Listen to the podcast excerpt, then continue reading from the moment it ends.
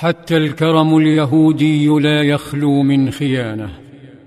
طبق صلى الله عليه وسلم حكم الخيانة على من كتموا وهم ابن أبي حقيق. وبدلا من أن ينطلق أفراد قبيلتي قريضة والنظير أحرارا أفسدت الخيانة رحلتهم فسبيت نساؤهم وذراريهم وقسمت أموالهم للنكث الذي نكثوه أما بقية يهود خيبر فسرت عليهم المعاهدة فسمح لهم بالمغادرة وقبل مغادرتهم تشاوروا وبعد التشاور قرروا مخاطبة قائد الدولة الإسلامية صلى الله عليه وسلم. توجهوا إليه فقالوا دعنا نكون في هذه الأرض نصلحها ونقوم عليها. فكر صلى الله عليه وسلم وشاور أصحابه بما يعود على دولته وشعبه لا بما سيجنيه مع أسرته فالقائد لم يتغير. يعود بعد كل نصر لتلك الغرف الصغيرة المتواضعة في المدينة لذا عفى عنهم وأبقاهم لزراعة الأرض مقابل حصولهم على نصف الإنتاج.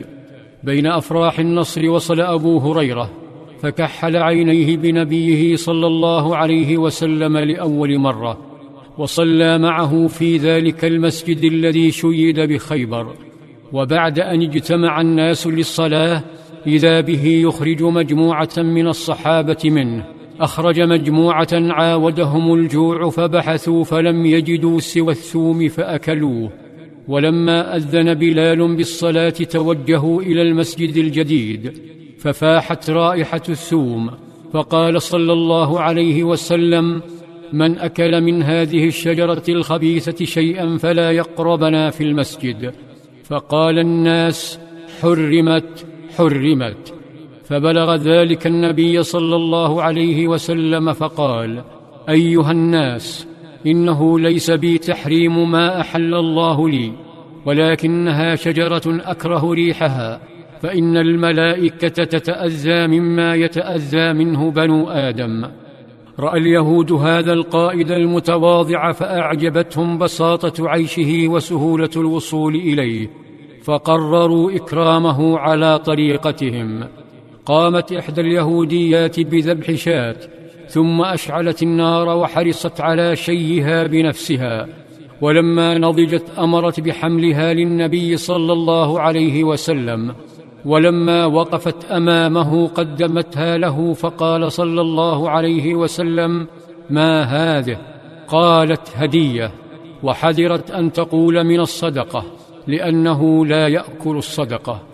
قبل صلى الله عليه وسلم الهدية وانصرفت المرأة فسمى النبي صلى الله عليه وسلم وسمى من معه من أصحابه. ولما تناول لقمة من الشواء توقف فجأة وقال لأصحابه أمسكوا فتوقفوا عن الأكل.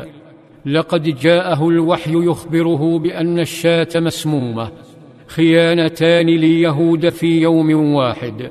أي بشر هؤلاء؟ أصدر القائد صلى الله عليه وسلم مباشرة أمرا لجنده. اجمعوا لي من كان ها هنا من اليهود.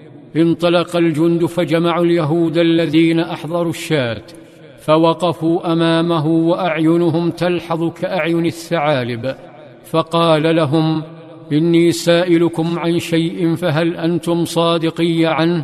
فقالوا نعم يا أبا القاسم. فقال لهم من أبوكم؟ قالوا أبونا فلان. فقال صلى الله عليه وسلم كذبتم. بل أبوكم فلان. فقالوا صدقت وبررت. فقال صلى الله عليه وسلم هل أنتم صادقي عن شيء إن سألتكم عنه؟ فقالوا نعم يا أبا القاسم. وإن كذبناك عرفت كذبنا كما عرفته في أبينا. قال لهم من أهل النار؟ فقالوا نكون فيها يسيرا ثم تخلفوننا فيها.